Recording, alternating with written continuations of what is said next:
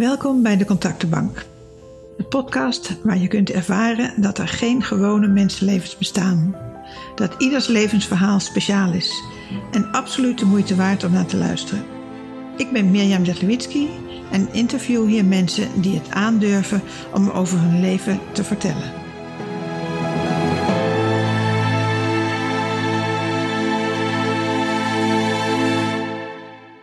Vandaag ga ik in gesprek met Madama.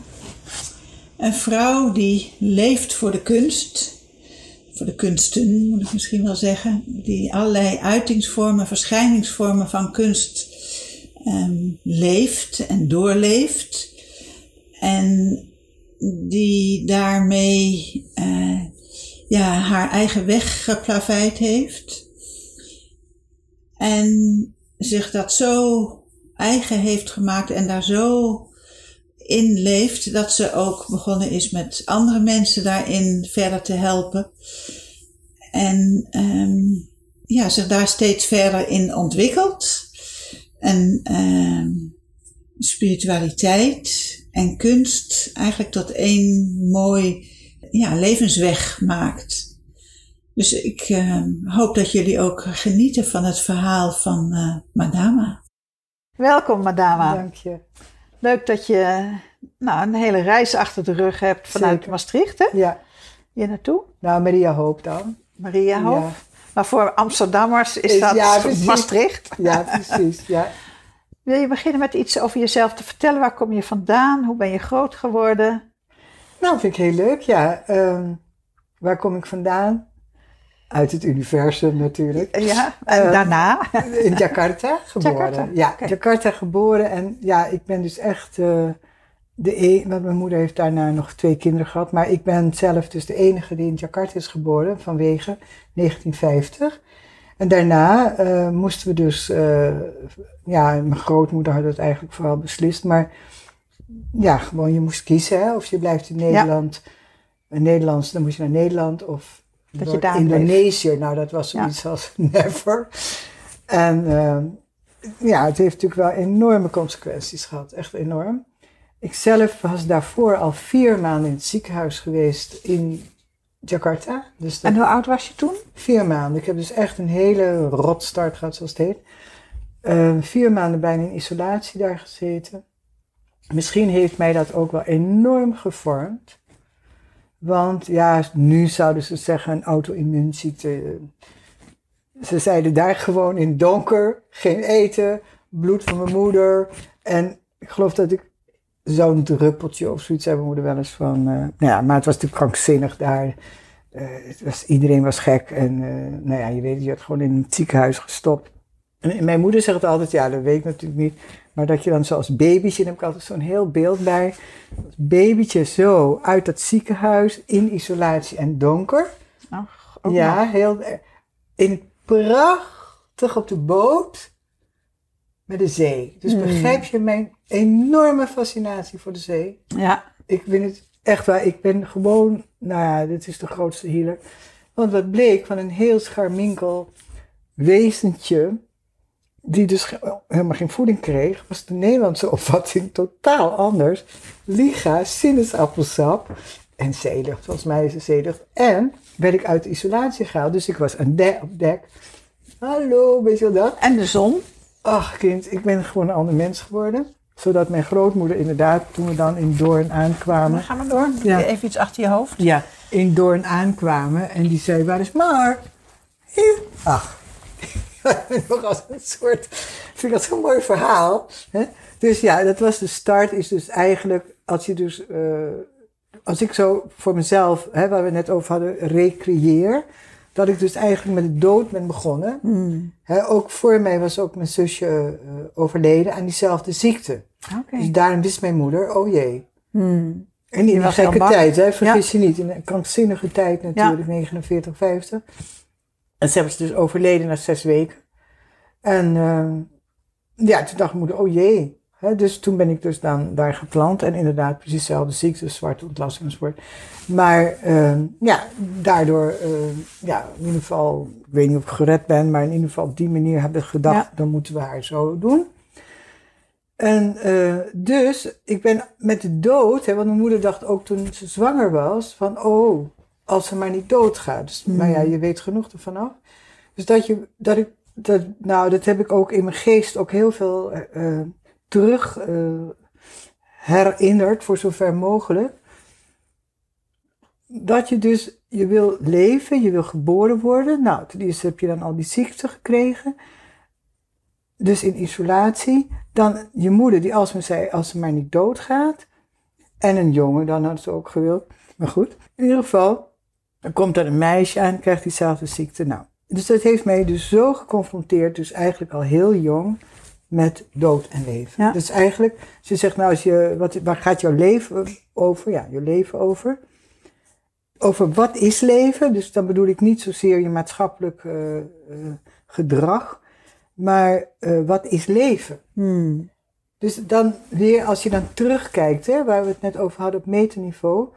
Ik denk dat ik op aarde, ik ben dus heel uh, spiritueel in de zin van, dat is ook een rotwoord eigenlijk, maar ik bedoel daarmee, ik geloof in de meerdimensionaliteit van het leven. Dus dat we niet alleen maar, laat me zeggen, ons biologische zelf zijn, maar dat je incarneert in je omstandigheden. En die omstandigheden die zijn als het ware jouw toneelstukje, uh, waarin jij dus, als het goed is, uh, van leert en je pad ontdekt van wat houdt me nou eigenlijk bezig in essentie en waarom zijn die omstandigheden zo en wat kan ik ermee. En um, dat, ja, dat is eigenlijk uh, het hoofdmotief. En als je dat dan samenvat, waar ik net over had, dan is dat de overwinning van de dood. Hm. En dat heb ik zowel in de religie, zoals natuurlijk gewoon christelijk opgevoed, maar goed, met een Indische uh, helderziende oma, die dus ook de kaart legde, waarvan natuurlijk mijn aangepaste westerse moeder, niet westerse moeder, Indische moeder, maar in de westerse samenleving bedoel ik, niks maar, van af wilde. Ja, even om ja. te begrijpen. Ja. En jouw moeder was Nederlandse? Nee, mijn moeder is Javaans, oh, Javaanse. maar niet ook al in feite gemengd. Oké. Okay. Maar wel allemaal al daar gewoon op. Ah ja. Maar mijn, mijn, mijn uh, dus oma Boejoet, dus dat is mijn overgenomen, die is de echte Javaans. Ja. Getrouwd toen, wat bijzonder was, een naai, weet je wat, zo'n heel bijzonder, met zo'n grote Pruisische, waar dus volgens mij dus het Joodse ook vandaan komt, Bargon. En um, daar is mijn grootmoeder natuurlijk uitgeboren, oma Capella. Uh, oma Cornelia, maar ik zeg altijd oma Capella. Die legde de kaart. Ah, ja. En mijn moeder, dus die generatie, wilde daar weer niks van afweten. Maar, maar was dus al ja, wel bruin, hè? Ja. Maar dan toch, uh, kijk, ik ben dan ook weer gemengd, dus vandaar ja. die witte huid. En jouw vader? Was dus meer, de, ook Indisch, noemen we Indische Ja. jongen, want helemaal vandaar. Ja. Maar wel toch blank om te zien. Ah ja. Ja. Dus ook al gemengd waarschijnlijk. Ehm, niet zo bekend. Nee. Nee, want zij, mijn grootmoeder van mijn vaders kant is meer eh, Frans. eh, Hm. Maar dit is allemaal, dus door allerlei tragische omstandigheden is het contact heel weinig geworden. Ja. En er was ook, omdat mijn moeder donker was, toch ook eh, weer dat, hè? Dat Ja. mijn moeder minder vond. Ja, ja. Moet je je voorstellen. Ja. Dus ja. En, eh, en daardoor is dat contact ook allemaal zo. En scheiding en dit Ja. en dat. Nou ja, nieuwe verhalen. Maar altijd gaat het, dat, dat is dus ook iets wat, eh, dus het, het zijn twee thema's eigenlijk. De dood, hè, dus al heel jong van nou, blijkbaar had ik dus als kind al een enorme overlevingsdrang. Van hallo, ik ben er, ik ben er, ik Ja. ben er. Dus mijn En ik blijf. Precies. Weet je wel, hallo, van wat, wat als ze maar doodgaat. En twee, ook uh, het transculturele aspect natuurlijk, hè, van dat je, ja, gewoon zwart-wit en hoe mensen elkaar dus benaderen en ja, dat je dat ook in je eigen, en ook de scheiding. Dus het, uh, het feit dat ik al heel jong uh, gescheiden ouders heb meegemaakt als eerste ongeveer in heel uh, Nederland, zou je bijna zeggen. Ik ben 71, dus toen was ik zes. Maar in feite al waren ze eerder natuurlijk. En dat was voor mij dus als Indisch meisje in, die, in Amsterdam. Hè, was bij, En jullie zijn naar Amsterdam gekomen ja, dus eerst. Doorn, eerst Doorn en toen Amsterdam. Ah, ja. Ja. Maar dus ook in het Slotermeer, wat dus achteraf een hele mooie nieuwe tuinstad is. Ja. Zoals, nu is het helemaal Marokkaans, maar toen was het dus echt uh, voor de Indische mensen veel. Onder andere natuurlijk ook in Vught en weet ik veel waar, maar wij gelukkig in Amsterdam. En, maar dat was dus natuurlijk, nou ja, voor mijn moeder moet dat helemaal krankzinnig zijn geweest. Maar voor, voor mij ook eigenlijk in de zin van, dat kauwen. En niet dat ik, ik kan natuurlijk helemaal niks hebben meegemaakt, want ik was gewoon een babytje. Dus in feite eh, vier maanden op de boot, of eh, nou zes weken of zo. Maar in ieder geval, uh, wat weet je nou niks? Hè, ik ben altijd jaloers op kinderen die daar wel nog tot mm. zes. Maar ja, wij hebben meteen besloten toen in 1950, 51. Maar uh, ja, het is, je was, ik weet nog goed dat, dat ik dus, uh, ja, mijn vader, moeder, dus in ieder geval, ik zat daar in mijn eentje koude melk uh, te drinken. en in een overblijfklas. En iedereen had gewoon thuis. Ja. Ja, het heeft veel gepletterd ja. op mij. Oh, ja. ik heb nog een muis gaan denken. En vooral die koude melk. En achteraf heb ik gewoon helemaal, kan ik helemaal niet tegen melk eigenlijk. Maar dat moest toen, hè koud, weet je, zo'n flesje, nou je kent het wel. Nou, toevallig dat in, in het gesprek met Ineke, dat dat naar voren kwam, dat we ons alle twee herinnerden dat die flesjes naast de kachel werden gezet. En dat er dan zo'n lage room op kwam. Oh, bij jullie wel? Ja. Dat bij mij niet. dat, was, dat, dat vond ik zo vies. Ja, ja. Oh, nou, dat heb nog goed ergens. Nee, maar wij hadden echt het ijskoud. Het werd mm. helemaal niet bij de kachel gezet. En, uh, maar ik denk misschien dat extra ijskoud, omdat je alleen daar zat. Ja. En dan gingen die kinderen, die hadden, ik, vandaar dat ik nog steeds gefascineerd ben door wat is nou gezetteld. Hè? Ik bedoel, ik heb hm. een hele weg moeten gaan en nou, ik mag niet klagen nu, hè, maar ik bedoel, ik heb nog steeds niet, woon ik niet bij de zee. Dat vind ik nog wel een heel item in mijn leven. Maar um, hele ja, zoektocht als kunstenaar. Hè. Maar ik weet nog goed ook die ontheemdheid, en dat is ook wel een mooi woord ervoor dat je daar zo zat en dat iedereen het zo vanzelfsprekend vond. Kijk, mm. nu, begrippen als allochtoon, noem het op. En ook omdat ik natuurlijk ook nog wit zag, hè, die vanzelfsprekendheid dat iedereen gewoon een vader en een moeder heeft. Uh, je land is je land.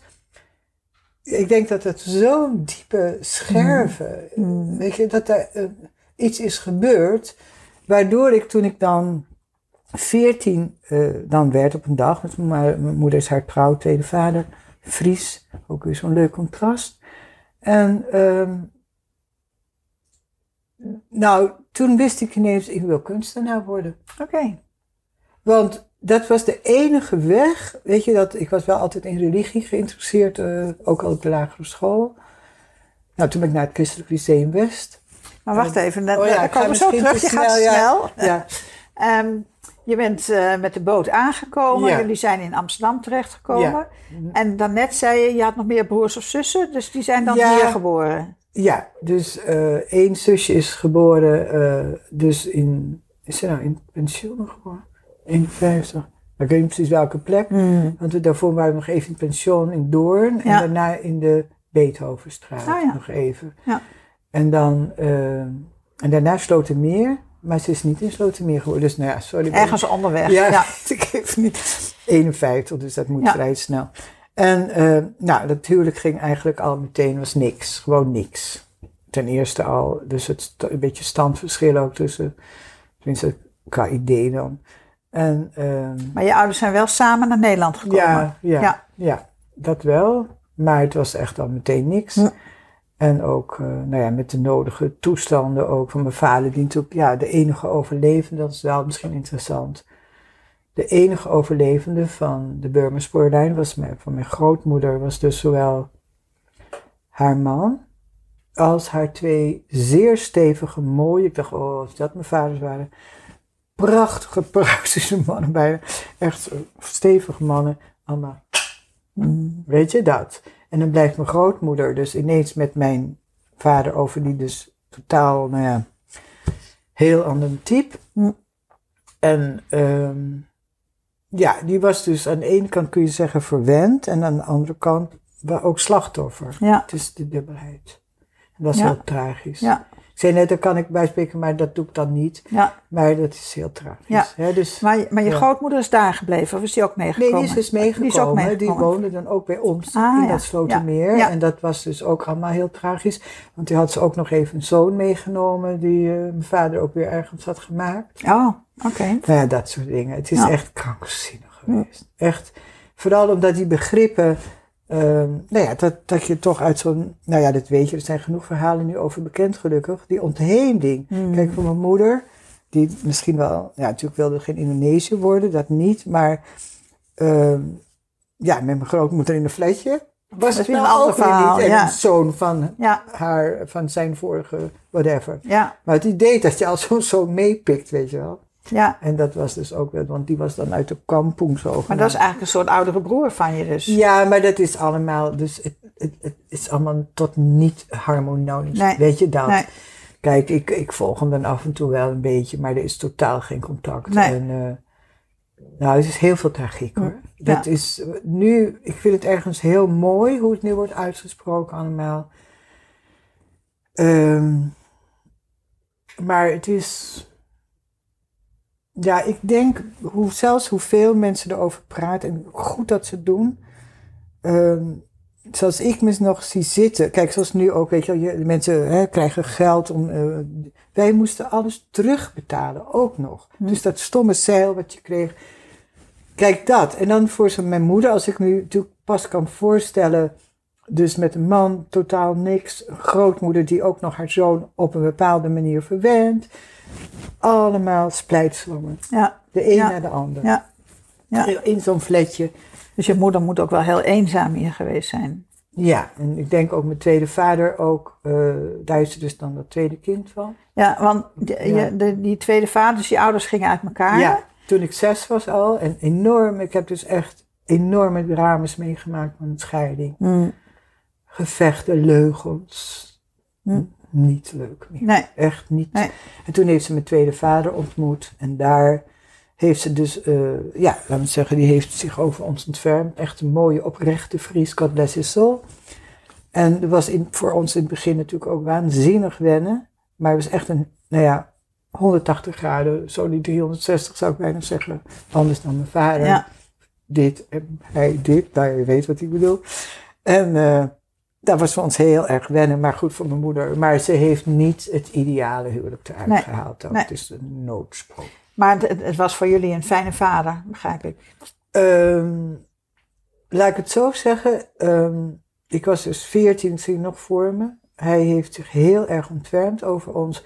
Maar het woord vader, wij noemen hem ook daddy, was moeilijk. Ehm, Ja, als je veertien bent, en dan is nou, het ook... ook een- het- de cultuur, hè, gereformeerd, al anders. En wij hebben dus, het mooie vind ik van wat ik met, mijn, met Daddy dus heb mogen beleven, is van een, ja, een soort van eh, vervreemding, maar wel, ik noem het altijd eh, respect. Hè? Maar ehm, het inleven van hem in mij toen, of in ons, maar ik praat even voor mezelf. Ehm, ja, de norm. Ik wou kunstenaar worden en hij dacht, doe maar niet, eh, doe maar, hoe noem je dat, gewoon en doe je al gek genoeg. Ja. En achteraf gezien blijkt hij mijn grootste fan geweest te worden, geworden. En ehm, heeft diep respect uiteindelijk gehad, hoewel hij had afgeraden, want Vincent had dus ook zijn oor enzovoort. Maar ja, hij is zo'n want dat huwelijk tussen mijn tweede vader en me ging dus ook moeilijk. Mijn moeder is ook overleden. Ehm, Het, het huwelijk tussen je moeder en, en je tweede Tweede vader was moeilijk. ja, het was natuurlijk toch... Kijk, haar droom was gewoon kapitein. Haar, haar grootste vreugde in het hele leven was op de boot. Ja, ja. Mooie vrouw.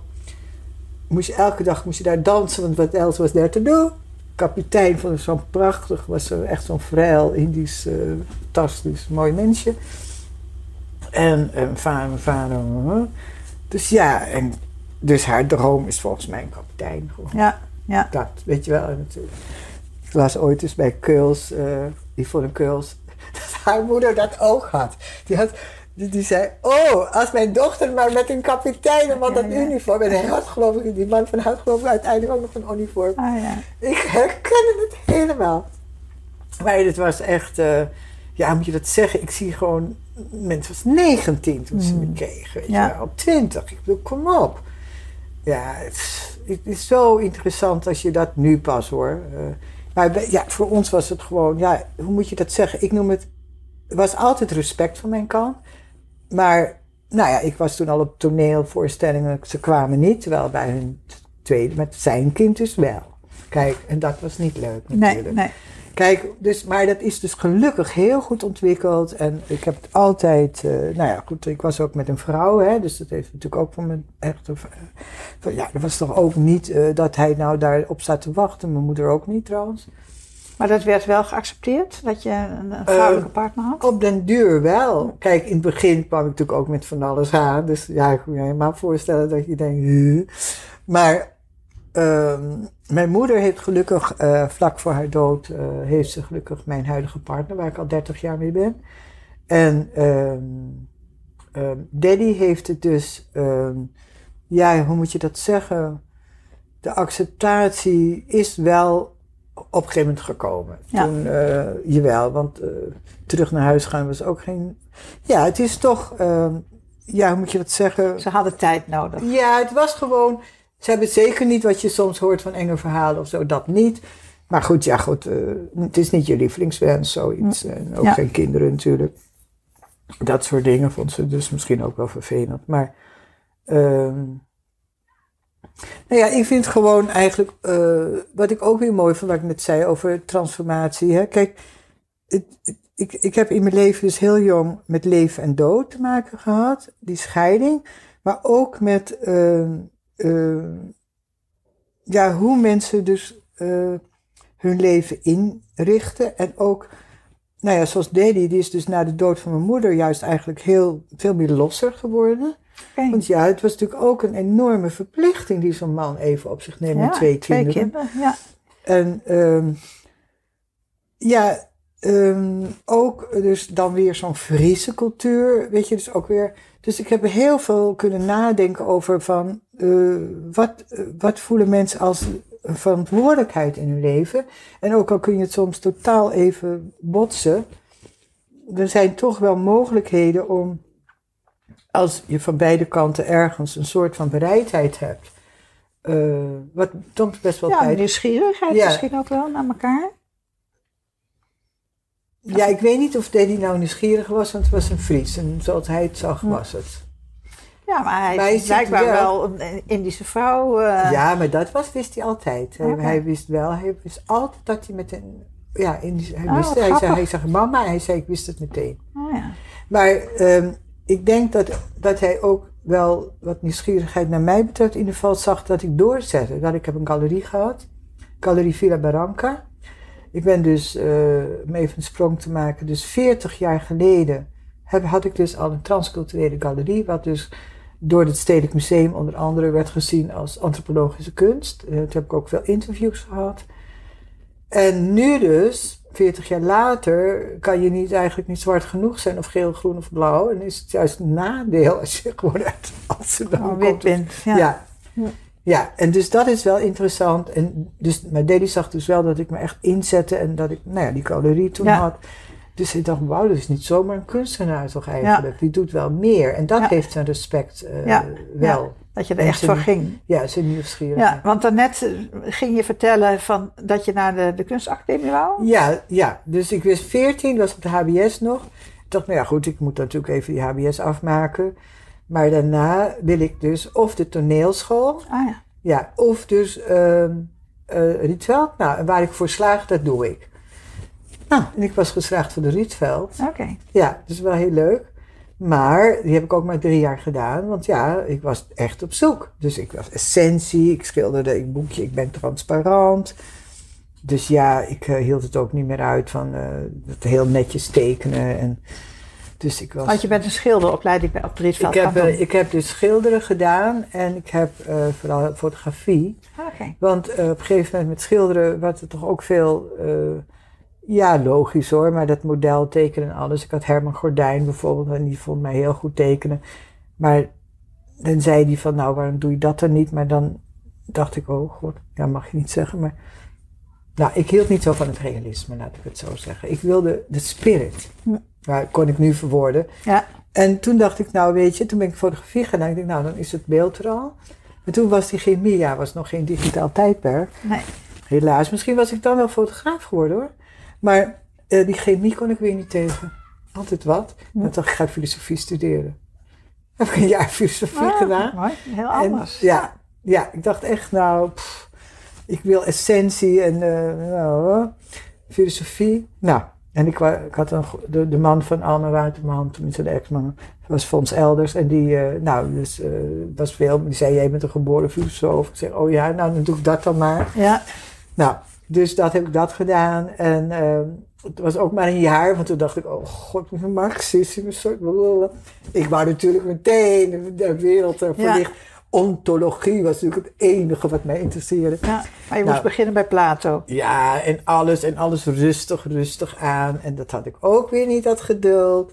En gelukkig dacht je toen niet, zoals nu, denken al die mensen aan carrière. Dat dacht ik helemaal niet aan. Ik zie nu die mensen van 20 zien, dat plannen, hebben al hypotheek, denken al over hun pensioen. na. Dat kennen wij niet van vroeger. hè. Nee, nee. Echt, dat, ik ben zo hoor, als ik die kinderen hoor praten. Nou ja, maar in ieder geval, toen, eh, wat toen? Oh ja, dus toen heb, wat vond ik dat ook weer te veel. Toen heb ik nog een jaar antropologie gedaan. Ik ben Ah, ja. culturele antropologie. Ik denk, nou, dan moet dat het toch zijn. Nou, weer dat, ja, hoe moet ik het zeggen? Ja, dan moet je weer bij het begin beginnen. En dat Ja. is wat je blijkbaar niet wil. Nee, en ik ging in trance. Dat was voor het eerst van mijn, van mijn leven, want ik wist dus niet hè, dat ik geboren medium was. Want ehm, mijn moeder ontkende het natuurlijk, terwijl ze het ook heeft, heel erg. Nou ja, mijn grootmoeder was het gewoon, maar ja, mijn grootmoeder, dat was dan een vrouw met 28 katten, want die hield alleen maar van poesen en verder wereldvreemd. Dus daar ging mijn moeder zich natuurlijk niet mee identificeren. Nou, dus ehm, ja, eh, kaart leggen, nou, ik had er ook niet zoveel mee hoor. Van ik zie een man en ik zie dit en ik zie dat. Ik denk, nou, je ziet maar een eind weg. Voel niks aan, echt niet. Zegt heel eerlijk, dat soort niveau ik gewoon niks aan. En eh, mijn moeder zei, mijn oma zei altijd, je bent moeilijk voor mannen. Maar wist ik veel toch? Achteraf is Ah. ja. het goed. Nou, heeft ze goed gezien. Ja. Je bent moeilijk. Ik moest altijd zo lachen. Ik kwam ze naar me toe. Ja, het zal wel. Maar toen was het wel interessant hoor, met antropologie. Dus ehm toen zat ik daar, ik zal nooit vergeten. En ik was 21 geloof ik inmiddels, ja. En ik zat daar in die collegezalen, prachtige zaal ook, eh Oude Sport. En ja, en toen hadden ze dan over de negers, alsof het ik weet niet wat was, weet je wel. Vond ik al zoiets van, negers en dit, en het is een soort, soort sociologisch onderzoek. En ik denk, ja maar god, het zijn toch ook gewoon mensen, ja, en die hebben dan ketto's en liederen. En, ja, vond ik wel interessant, maar op een gegeven moment, wel nooit vergeten. Toen kregen we een plaatje van Afrikaanse cultuur. En mensen hadden op een gegeven moment ook die zwart-witte stippen, eh, of rood-wit eigenlijk, voor vruchtbaarheid, weet je, een uitbanning. En die kraakte in trance. En dat was wel door iets, denk ik, ontmoeting die ik daarvoor ook had gehad met een vrouw. Ik denk dat die mij heel diep had geraakt. En ik hoorde ze praten. En het enige woord wat ik heb onthouden is participation mystiek. Dus met andere woorden, die zien dus eh, de dingen als een verband, een mystiek verband en ook een deelname. Hè? Dus de natuur en de mens en de geest, het is één. Ja, ik ging in trance. Hmm. Achteraf gezien, natuurlijk, het mediumieke in mij werd blijkbaar geactiveerd, zou je nu heel logisch kunnen zeggen. Nou, en toen wist ik, ik moet niet meer via het intellect. Ik moet het niet doen via het intellect. nee. Wat ik ook zoek, ik vind het niet via het intellect. Leuk geprobeerd, kan je professor worden en heb je een inkomen. Jammer dan. Ja, best wel jammer. Nou, dan zat ik in een uitkering toen, hè. Dus ja, dat was mijn beurs was natuurlijk op. En toen eh, ben ik, eh, ja, in feite met de mystiek in aanraking gekomen. En dat was wel mijn redding via een vrouw Ja. in Den Haag. En ook een vriendje van mij toen uit, eh, eh, ook uit Den Haag, Ernst. God bless his soul, hij is ook eh, overleden. En dus Ernst en ik waren een soort, ja, wij hadden al dat mystiek, want het was een kern van de Rietveld Academie. En we waren allebei al zo met blauw en groen en anders. En niet alleen maar lijntjes en zwart-wit en zo. Ja, dus ik voelde me, nou, hij zei, kom mee naar mijn moeder. En nou, die zaten dan in die theosofie en pop, pop, pop, pop. Weet je wel, dus op een gegeven moment mystiek, wat is dat? Hm. En ik wist wel van cultuur veel al, maar niet nog van mystiek. Nou, en dat was mijn, echt mijn redding. Toen ik wist, ken u zelf. Weet je, dat. Wat natuurlijk zei Plato ook al. Maar het was toch heel erg, ehm, ja, op een andere manier weer dan in de filosofie. Hè, dat is objectief. Maar dit was echt van binnenuit de dingen. Ja, dat je doorleeft. Ja, helemaal alles eigenlijk is er niets buiten jezelf. Ja, en dan ben je 21, snap je het echt nog niet. Maar, en toen ben ik in de boekhandel ook nog in du Monde gaan werken. Heb ik gewerkt? Ja, echt waar. Ja, als enige vrouw. Oh. Het was een eer, want het was eh, degene, Leon. Ja, hij zei, ja, je ziet er wel heel apart uit. Ik ga het proberen. Maar als boekhouder, hè, aanvankelijk. Ik had ook HBSA. Nou, zat ik natuurlijk s'nachts alles te bestuderen. En, eh, en toen, eh, op een gegeven moment, ja, toen nam hij me mee, ik zal nooit vergeten. Ik denk, oh leuk, hij nodigt me uit voor de lunch. Zei hij, nou één ding. Je zal toch geen boekhouder worden. en niet dat ik het slecht deed hoor, maar is dat wel.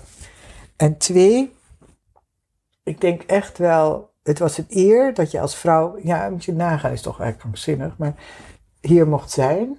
Hè, dus eh, in de soort van whatever. Maar ehm, ik ga je toch nu ontslaan. Oh. Met een glas wijn erbij, hè. Ja, ik, eh, dat was ook weer zo'n shock als 21. Want ja, goed, ik had niks, ik had geen beurs, niks. Hè. Dus het was wel een eer. Want ja, er waren allemaal mannen, hè, die deden dan die esoterie. En, eh, want Onno Dokters van Leeuwen, die heeft trouwens nog een heel mooi boek over tarot gemaakt. Maar, dus ja, het was, ik voelde me daar helemaal senang, om het maar zo te zeggen. Hè. Ja, werd ik ontslagen. Dat ik zal nooit vergeten met een glas wijn. Maar waarom ontsloeg hij je dan nou? Nou, hij vond toch dat ik een hoger doel had dan boekhouden. En daar had hij natuurlijk gelijk in. Ja. Maar god, was iets anders dus dat ik boeken ging verkopen of doe iets geks. Maar nee hoor. Nou goed. Nee, maar op Bout de Monde, voor de mensen die dat niet eh, Oh ja, kennen. ja, vertel even. Dat was de esoterische boekwinkel eerste in Amsterdam. Precies, de esoterische. Dus het was een hele eer. Ja. En ik dacht natuurlijk, nou, ik, ik ontwaakte in die mystiek. Ik denk, nou, ik heb een HBS, die mensen, ja, ik weet ook weer niet via hoe dat dan gaat. Ik denk via Onno, hè, van, eh, die was dus tarot aan het ontwerpen, heel bijzonder boek ook. En eh, dus die zei, ah, probeer dat eens, eh, want eh, Leon zoekt geloof ik een boekhouder, jij hebt HBSA. Nou ja, ik zei, ja, why not? Ja, goed, ik, was, ik kan het ook best netjes, hè. Maar natuurlijk ben je natuurlijk Nee, het was niet je Nee, passie. En ik denk dat hij dat ook wel zag, Ja. of weet ik veel, of je kwam er nergens mee, of weet ik veel. Nou, in ieder geval om een lang verhaal kort te maken. Het, de mystiek, daar, daar, daarom kwam ik ineens op Oboor, want dat was ik ook weer Ja. vergeten. Maar inderdaad was de single de, hè. Ja. nu overal, maar dat was uniek, hè, Ja. zo'n man. Ja. Nou, bestaat ook helemaal niet meer, hè. In ieder geval, de mystiek heeft eigenlijk mijn leven bepaald. Kijk, ehm, ik had wel natuurlijk de Rietveld ook niet afgemaakt. eh, nou, de studies ook niet. Maar wat overbleef van die zoektocht, dat bracht mijn indisch zijn en mijn eh, artistieke zijn. Hè, want ik denk, nou, dan kan ik daar ook eh, beelden bij krijgen. En ja, maar dat mediamieke, wat ik dus, eh, want ja, dat is wel leuk om even die overstap te maken. Dus ik heb toen heel veel gestudeerd, gewoon mystiek. En heel langzaam, zo 1975, want dat weet ik, want toen heb ik Alma ontmoet. Dus eh, toen begon het kunst weer. Toen kreeg ik ook een atelier weer van iemand op de Weesperzijde. Want zijn vader was schilder geweest, Schollema, Peter Schollema, misschien zegt hij naam iets. Nou, en hij was de zoon en hij had dan het hele pand. Hij zegt, nou, dan mag je wel eh, daar even schilderen. Totdat hij natuurlijk ook weer eh, ging verhuren en verkopen, maar goed. Dus ik alles daar naartoe slepen en toen ben ik weer gaan schilderen. Nou, dat was heel belangrijk.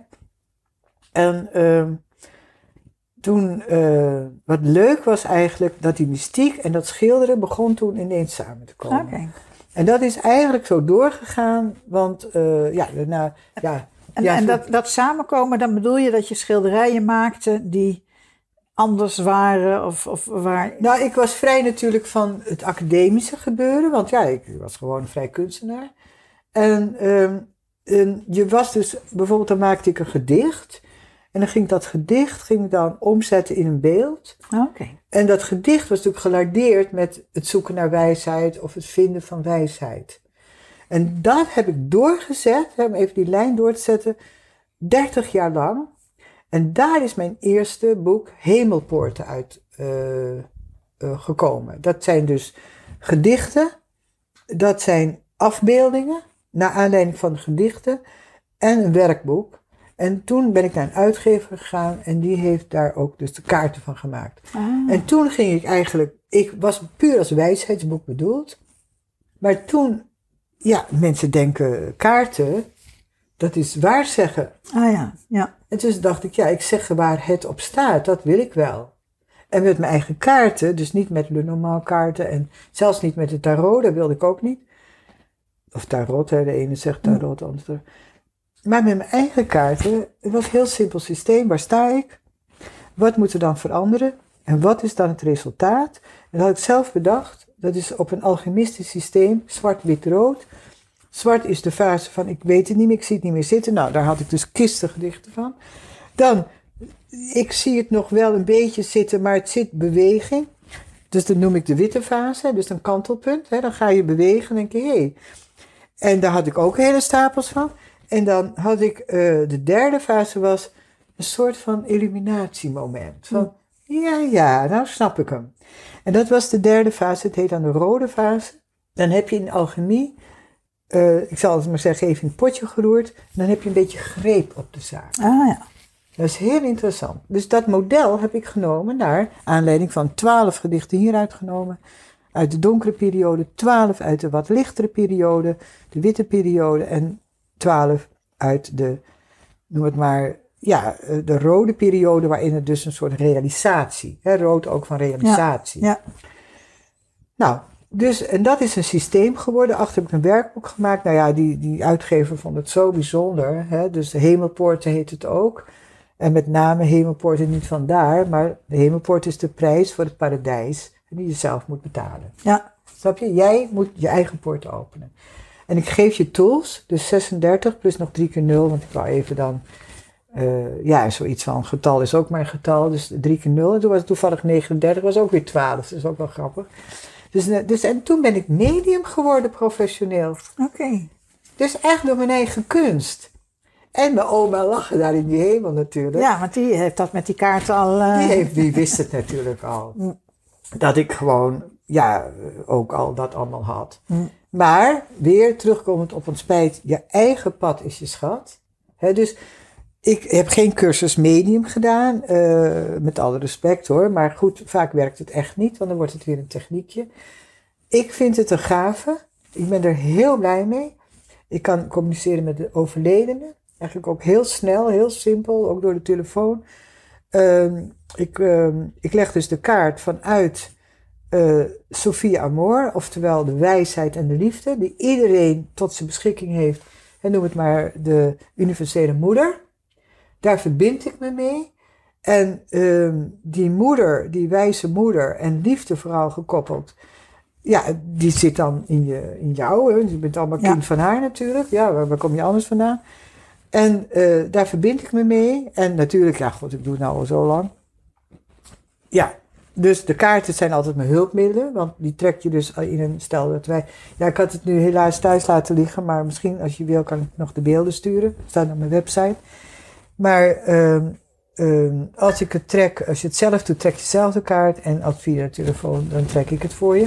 En dan heb je nog de vierde kaart, dus dan de gouden kaart, dus als het ware een samenvatting. Maar het mooie is dus dat je. A, je hoeft helemaal geen helder zien om mijn boek Hemelpoorten te kopen. Want het staat prachtig in het werkboek, zo in feite een coachingboek. Oké. Okay. Gewoon van hoe kom ik bij mijn eigen zijn? Uh, wat inspireert mij? Een soort opdrachten.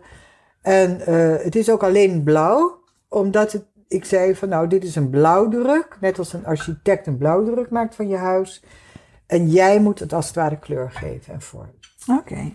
En, en, en kreeg je dan ook reacties van mensen die het gekocht hadden, die daar dingen mee deden? Ja, oh, ja. heel veel coaches uh, hebben het dus.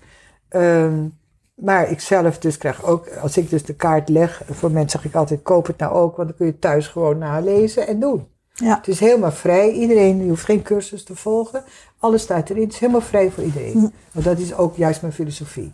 Okay. En ik heb nu wel een opleiding ook gemaakt, ALMA, Art of Life Mastership Academy. Oftewel, nou, dat gaat wel heel snel. ALMA? Ja, ALMA heet ja? die dus. Ja? Uh, afkorting van uh, Art of Life Mastership Academy. Okay. Dus met andere woorden, in Nederland, hoe word je je leven meester? Dus mastership. He, dus hoe word je leven meester? En dan krijg je die boeken allemaal. Dus ik heb daarna nog twee gemaakt. Oké. Okay. Uh, kunst als medicijn en de touw van het ik ben. Dus een, uh, de touw van? De touw van het ik ben. Ik ben. Dus ik ben, ja. hè, dus duidelijk als babytje al ik ben. Hè, Dus echt, wat is dood, wat is leven? Nou, dat betekent dat je moet verbinden met de kern van je zijn en dat is leven. Dat is ons allemaal gegeven.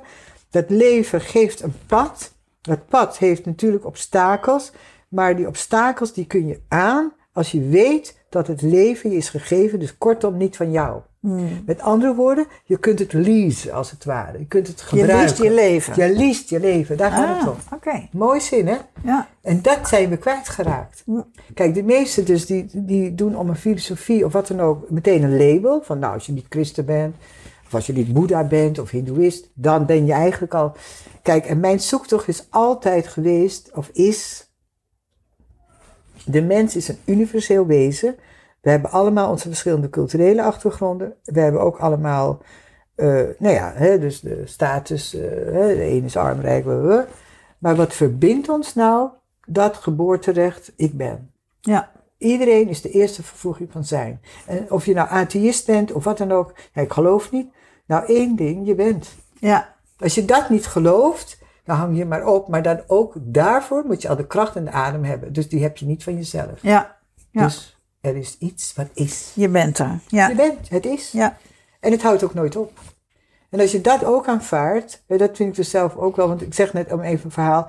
Ik ben dus eigenlijk van kunst, dus mystiek kunst, en dan ben ik eigenlijk meer naar die healing coach gegaan. Dus dat is eigenlijk vooral de laatste tijd, mede door het mediumschap.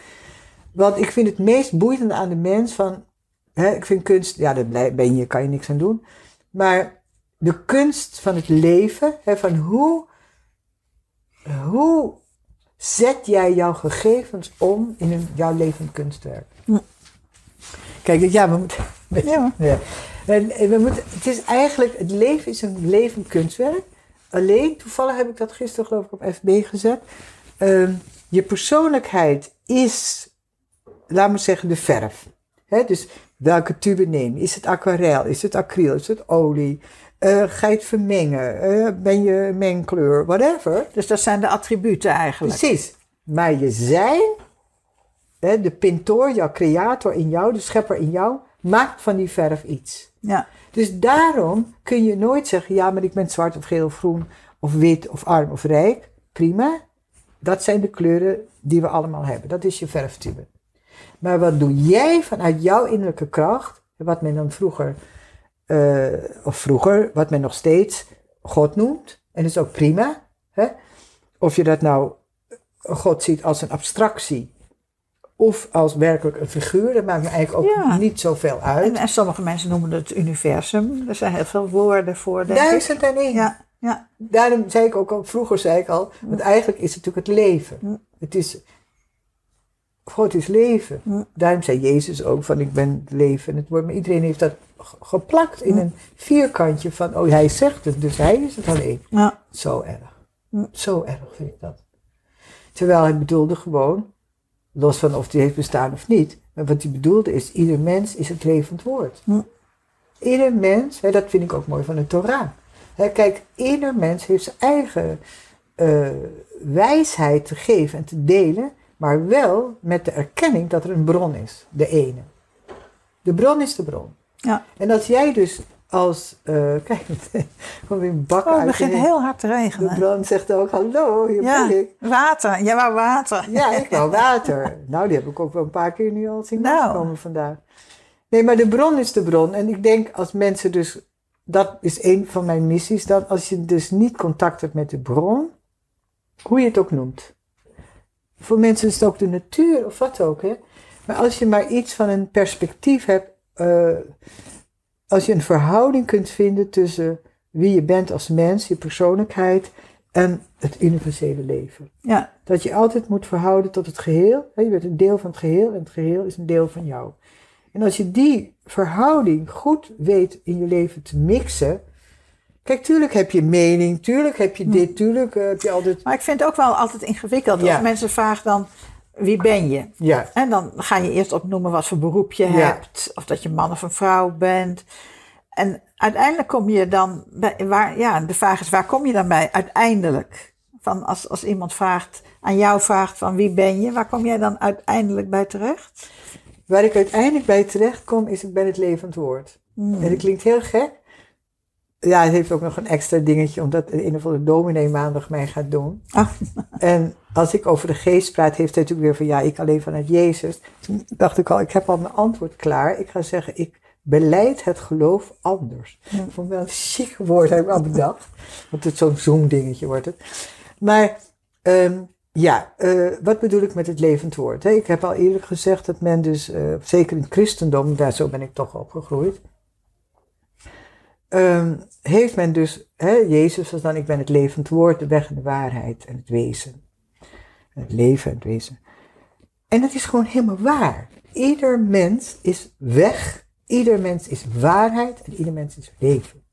Het enige is, door onze persoonlijkheid raken wij kwijt dat wij het al zijn. Mm. Dus daarom vind ik het woord ik ben, waar ik dus veel mee werk, zo goed. Omdat in India zeggen ze de Atma, hè? Dus dat is heel universeel. En eh, de Soefi heeft ook, weet ik even het woord vergeten, maar ieder, iedere religie zou je kunnen zeggen, en de Boeddha zegt het heldere licht. En dat is ook helemaal waar. Mm. Het nadeel alleen is soms als je iets objectief doet, dat het zo objectief wordt dat je denkt, nou ja, ik ben er niet. Mm. Kijk, en dat is nou net niet de bedoeling. Mm. Het- wie je bent is bewustzijn, als je het dan toch een naam wil geven. Ieder mens is bewustzijn en ieder mens heeft een schaal van energie. Wat wij dan persoonlijkheid noemen. En dat is jouw energie en het is jouw bewustzijn, Ja. wat gekoppeld is aan de bron. En de bron wil zeggen, omdat het, als je het dan heel, ehm, heel universeel wil zeggen, is het het niets. Wat ik een goed woord vind, sunyata, volledig, het niets. En doordat het niets is, oftewel supreme, wit, transparant licht, kan het alle kleuren krijgen. Kijk, daarom is dat ook een goed voorbeeld in het boeddhisme, het heldere witte licht. Als je je voorstelt dat, je, iedereen weet, heeft een voorstelling met wit, maar wit moet je eigenlijk nog voorstellen als transparant. Transparant, ja. Dat. Zo, daarom was mijn eerste boekje op de academie ook, ik ben transparant. Maar ik wist natuurlijk niet zo ver zoals ik nu ben, hè. Toen zeiden ze, oh, toen dacht ik ook, nou, ik, ik kan niet meer model tekenen. Ja, het is echt gebeurd, hè. Ik kan niet meer model tekenen, ik ben transparant. Ging ik alleen maar lijntjes maken, hè. Dat is echt gebeurd. Dus toen ben ik ook, daarom ben ik ook uiteindelijk weggegaan bij de academie en iets fotografie gaan doen. Want ik denk, ja, ik, vibraties, nu weet ik het woord, frequenties en vibraties. Maar dat wist ik toen toch niet. Ik wist alleen, zo is het. Dat weet je dan ergens. Dus als je vraagt, wat ben je? Je bent essentie. En wat is essentie? Is energie, is een frequentie. Maar die frequentie is wel gekoppeld aan bewustzijn. En dat bewustzijn, kijk, en dat is zo interessant van het leven. Dat je kunt zeggen, bewustzijn is een evolutie. Dus je kunt je verhouden, eh, je, je bewustzijn kun je zeggen, neemt toe. Naarmate je energie stopt in de intensiteit van je leven. Dus als je denkt, nou, het zal wel een ah ja, maar morgen en de politiek en dit en dat. Kijk, dan gaat je frequentie lineair grijs. Ben je een levend mens, een levend wezen, en dat je denkt, nou goed of slecht, ik maak er wat van. Ik ga met, met ziel en zaligheid doen wat, wat, hoe het mij, ook al heb ik eindeloos verdriet, dan is het mijn verdriet. Het is my energy. Kijk, en dat vergeten mensen vaak, dat ook dat zelf een geschenk is. Klinkt raar wat ik zeg, maar het is wel zo. Ja. Het, het, het gaat om de mate waarin je iets voelt, waarin je op een gegeven moment met dat gevoel om kunt gaan, zodat, zoals de boeddhisten heel veel zeggen, mededogen, en de christenen meer dan naaste liefde, hè, of ze dat doen of zo. Maar dat is het idee. Nou, maar goed, er zijn heel veel mensen die het lastig vinden Ja, of moeilijk vinden om ja, nare gevoelens toe te laten. Ja. Of pijn toe te laten. precies. Verdriet toe te Daarom laten. is de, in mijn kaarten, Hemelpoort, is de eerste, eh, de eerste kaart eh, pijn. Hm. Het omzetten van pijn in bewustzijn. Dat is de eerste kaart. Want dat heet dus in de alchemie de nigredo-fase, de zwarte fase. En niet zwart als kleur, maar als eh, onbewustheid. Zwart betekent eigenlijk, het is nog eh, donker, letterlijk. Hè, zoals die zon moet nog opkomen. Het is gewoon de nacht. Dus in de nacht gebeurt alles. Dat als jij niet, net als de aarde, als, daar geen, geen, eh, als je niet iets stopt in de aarde, dan komt er niks uit. Nee. Als jij niet kijkt in het donker van je zijn, de schaduwzijde Jung, hè, de schaduwzijde, die Ja. eerste, die dat eindelijk erkende. Pijn is in feite de grootste signaal. Ik ben alleen maar met pijn. Ik was in, in vier maanden lag ik al pijn te hebben. Pijn is eigenlijk, ik, ik ben er niet voor verder, maar eh, laat me zeggen, zoals de maatschappij tot nu toe en de frequentie nu is, is pijn bijna, ik vind het heel vervelend, de enige manier waarop we tot bewustzijn komen. Hm. Men zegt dat men gaat over evolueren, dat vreugde binnenkort de nieuwe, het nieuwe gewoon wordt. Hè? Vreugde. Maar zoals het nu nog is, ik denk dat we nog steeds heel erg uh, pas wakker worden als we pijn hebben. En pijn is dus iets wat als je dat ontkent, wordt het een ziekte, wordt het een oordeel. Nou ja, noem het op. Maar meestal een ziekte, dat vind ik zo erg. Want weet je, het moet, uh, alles is energie. Dus als je pijn uh, onderdrukt, hè, dan gaat het zich zo letterlijk uh, verkleven. En ehm, als je dat doet, dan moet, gaat de energie naar binnen slaan. Nou ja, je weet wel alle ziektes van daaruit kunnen komen. Als je energie vrijlaat, hè, dus energie is gewoon, laten we zeggen, net als dat je dat, als je dat in een lucifersdoosje stopt, hè, je hebt dus allemaal stromende energie. Plotseling wordt het een box. Dit bestaat niet, dit is er niet. Dan gaat er zo'n inwendige explosie plaatsvinden. Ik zeg altijd Nederlands, geen expressie, dan depressie, agressie en oppressie. Mooi kan ik niet zeggen. Zeg het nog een keer. In Nederlands, maar het is ook in het Engels, als je geen expressie, krijg je depressie, agressie en oppressie. Ja. En het is echt waar, kijk bij jezelf. Ja. Nou ja, wat, wat je denk ik veel ziet, is dat mensen die pijn hebben, uh, iets gaan doen om dat niet te hoeven voelen. Dus of ze gaan eten, of ze gaan werken, of ze gaan drugs gebruiken. Of ja. nou ja, ja, wat voor. ontkenning. Ja. Ja. Ja. Is ook best wel, laat me zeggen, mag je best een dagje doen. Hè? Een weekje mag voor mij ook. Maar op een gegeven moment moet je voelen. Kijk, komen we weer bij dat geboorterecht terecht. Kijk, eh, thuis maak ik dan ook die krachtcirkels. Hè? Dat is ja, eigenlijk net zoals die lichtcirkel daar. Dat zijn als het ware je, is je persoonlijkheid, je pijn, je dingetjes. En in het midden is dat heldere witte licht weer. In het midden, dat is ook uh, wat men dus ook in het Chinees noemt de bi. Hè, dat is uh, de oneindigheid die altijd ter beschikking is. Je hebt vormen, maar uiteindelijk komt alles voort uit het niets. Weer, maar niet in de zin van volledig, in de zin van uh, potentieel. Ja. Dus dat potentieel heeft nog geen vorm. Nou, als jij je dus weer bij je essentie, oftewel je geboorterecht, oftewel je, je zijn kunt koppelen, dan kun je naar je verdriet kijken. Ja. Dan zeggen ze, Ja. je bent je verdriet niet, je hebt, Hebt het. het, Ja, dat. Maar wat, of niet maar, wat eh, kun je dan mensen bieden of wat, wat geven die dat moeilijk vinden? Die dus Ja. ja, die pijn niet Nou willen ja, dat, hen nou, hanteren. dat, ik denk dus ten eerste, voorwaarde één is altijd, men moet het willen. Want vergis je niet hoeveel mensen ook een schuilplek vinden in de pijn. In het slachtoffer zijn. Want het nadeel is, dat als je dus eh, toch eraf wil, dan moet je het wel voelen en dat doet pijn. Ja, En dat betekent een hele hoop verdriet eerst. En verdriet en woede liggen heel dicht bij elkaar. Dus wat kun je mensen bieden? A, een veilige omgeving waardoor dat verdriet er mag zijn. Je bent niet minder, want hoe vaak hè, ben je minder als je verdriet hebt? Zelfs depressie, ja, en dan heb ik het niet over natuurlijk eh, mensen die al helemaal zo ver zijn. Dan, ja, medicijn, hoewel, somberheid. ja. Je, dat je voelt dat ik wil wel leven, er is een grijze weduwesluier over me heen, of zwart zelfs. Maar als je, mij een, een, als je mij een hand reikt, dan pak ik hem wel. Nou, kijk, die mensen, die zijn natuurlijk, daar kan ik dus, nou, daar coach ik natuurlijk mee. Dus als ik even over mezelf praat, die kan ik coachen. Ik kan ze een heel traject aanbieden.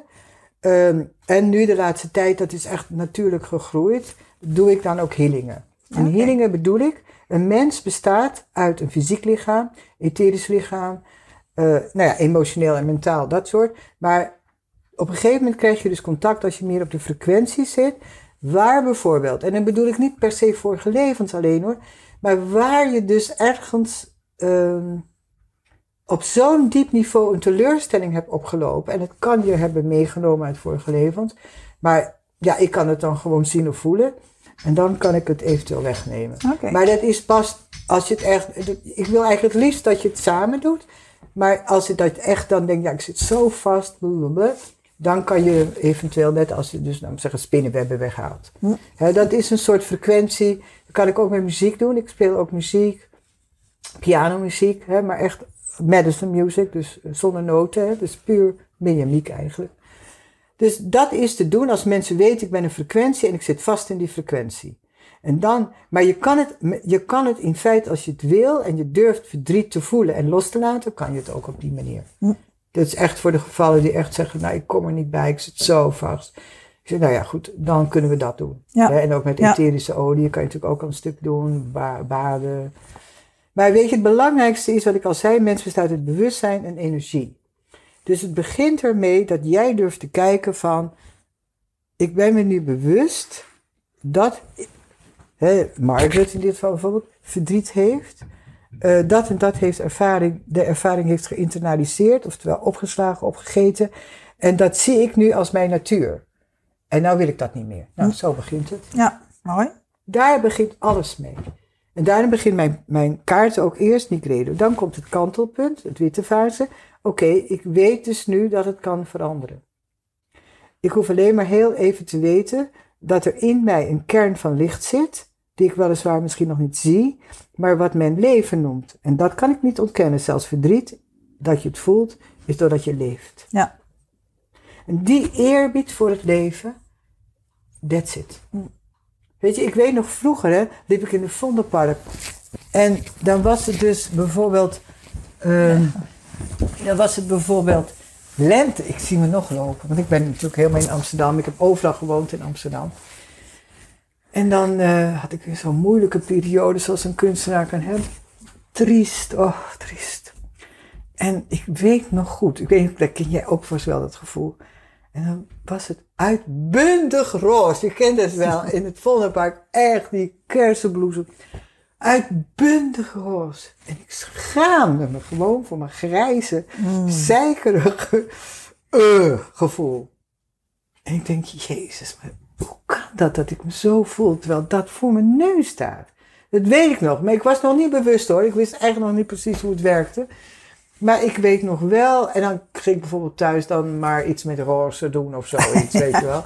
Maar dat het echt gewoon, wat men nu dus zegt, afstemmingen zijn. Stem je dan af een keer op wat anders dan je eigen grijsheid. En Ja. dat kan ik nu mensen leren. Dat je je knop kunt omzetten, zoals dat dan heet, out of the box. Nou ja, er is natuurlijk zoveel ontwikkeld eh, hè, de laatste jaren. En er zijn ook heel veel, denk ik, toch wel mensen die, eh, ja, dat moet ik wel zeggen, vind ik toch vaak een beetje smeren. Want ja, dat is dan het religieuze misschien in mij, of hoe je het ook noemen wilt. Ik kan niet zomaar een oppervlakkig verhaaltje doen. Nee, nee, nou ja, dat voel je ook wel, hè. Kijk, ieder mens heeft een hele, hele diepe kern. En dat is gewoon het ik ben, en dat is het zijn. En eh, het gaat niet alleen maar om, nou ja, als je nou voortaan maar een leuk eh, blouseje aandoet, dan voel je al een stuk vrolijker. Ja, dat helpt, zeker. En als je maar even sport, dan, ja, ja, het helpt. Hè? Of als Maar je het is maar- niet het wezen. het is niet het wezen. Het beklijft ook nooit. Je ziet mensen altijd daarna gaan ze van bijvoorbeeld sport gaan ze naar, eh, nou noem het op, weet ik veel, anders eten. Tuurlijk, het helpt. Maar als het zo simpel was, dan was het leven toch al hoeveel hoe boeken zijn er wel niet. Nee, het is toch heel ingrijpend. Dat je in feite, wat wij dus dan vroeger heet dat dan godsdienst. Maar je kunt zeggen een dienst aan het zelf. Aan, aan dat wat jij leven noemt. Waar je deel van uitmaakt. Waarin je participeert. Maar waarin jij ook mee communiceert. En waarin je ook een deel van bent. En wat is jouw bijdrage? In feite is dat hele coaching. Wat is jouw bijdrage? Weet je, wat wil je? Ja, Dus dat, nou, mooi. ja. Nou ja, zo is het eigenlijk gegroeid van een babytje weggenomen uit Indië. Wat ik best wel jammer vind soms dat ik dat dus... Hè, ja, ik ben nog één keer terug geweest. Maar niet zoals Reggie Bai, die er eindeloos over kan praten en doen. Fantastisch, maar dat kan ik helemaal niet. Nee, Ik voel me niet per se Indisch. nee, nee. Ik ben het wel. grappig. Ja, Hè, net als het Joods of wat ook. Ik ben gewoon een mens, een universeel mens. Ik heb heel veel gestreden, heel veel gezocht, maar gevonden.